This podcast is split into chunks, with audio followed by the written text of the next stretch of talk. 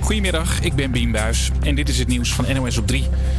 Het is op dit moment voor het eerst een minuut stil in Madrid voor alle coronaslachtoffers. In Spanje zijn al meer dan 6500 mensen overleden aan het coronavirus. En dat maakt de situatie heel naar, vertelt correspondent Rob Zoutberg. Dan zie je, ja, het is bijna intimiderend. Het is zo stil, het is zo vreemd om door de wereldstad Madrid te lopen.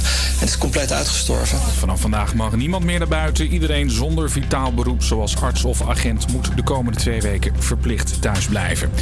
In Zeeland geldt vanaf nu een toeristenlockdown. Alle campings, huisjes, parken, jachthavens en hotels moeten dicht blijven. Toeristen zijn niet meer welkom omdat de ziekenhuizen een grote corona-uitbraak niet aankunnen. Bij het callcenter van de Zeeuwse Vragenlijn staat de telefoon al dagen rood gloeiend. Het is ontzettend druk. Ik hoor eh, van mensen die ik aan de telefoon krijg eh, dat sommigen een uur aan de lijn hebben gezeten. Mensen hebben ook al intussen eh, bijvoorbeeld per mail contact gezocht, maar willen toch heel graag nog even iemand spreken, dus bellen alsnog. Honderden mensen hebben vragen gesteld. De toerismemaatregelen in Zeeland gelden in elk geval tot 10 mei. De Premier League wil dat Engelse voetbalclubs de competitie, ondanks de coronacrisis, toch uitspelen. Daarom ligt er een plan voor een soort WK-vorm in juni en juli, vertelt verslaggever Eline de Zeeuw. De bedoeling is dat de teams twee maanden in volledige isolatie gaan verblijven in basiskampen. En vervolgens zouden ze in stadions in Midden-Engeland en Londen de competitie verder afwerken.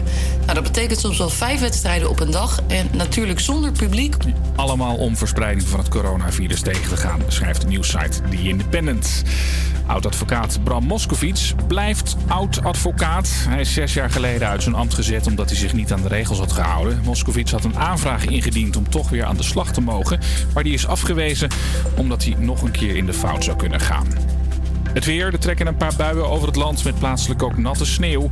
Tussendoor schijnt soms de zon en het wordt een graad of 8. Morgen flink wat zon en een graadje warmer. De stem van Studerend Amsterdam.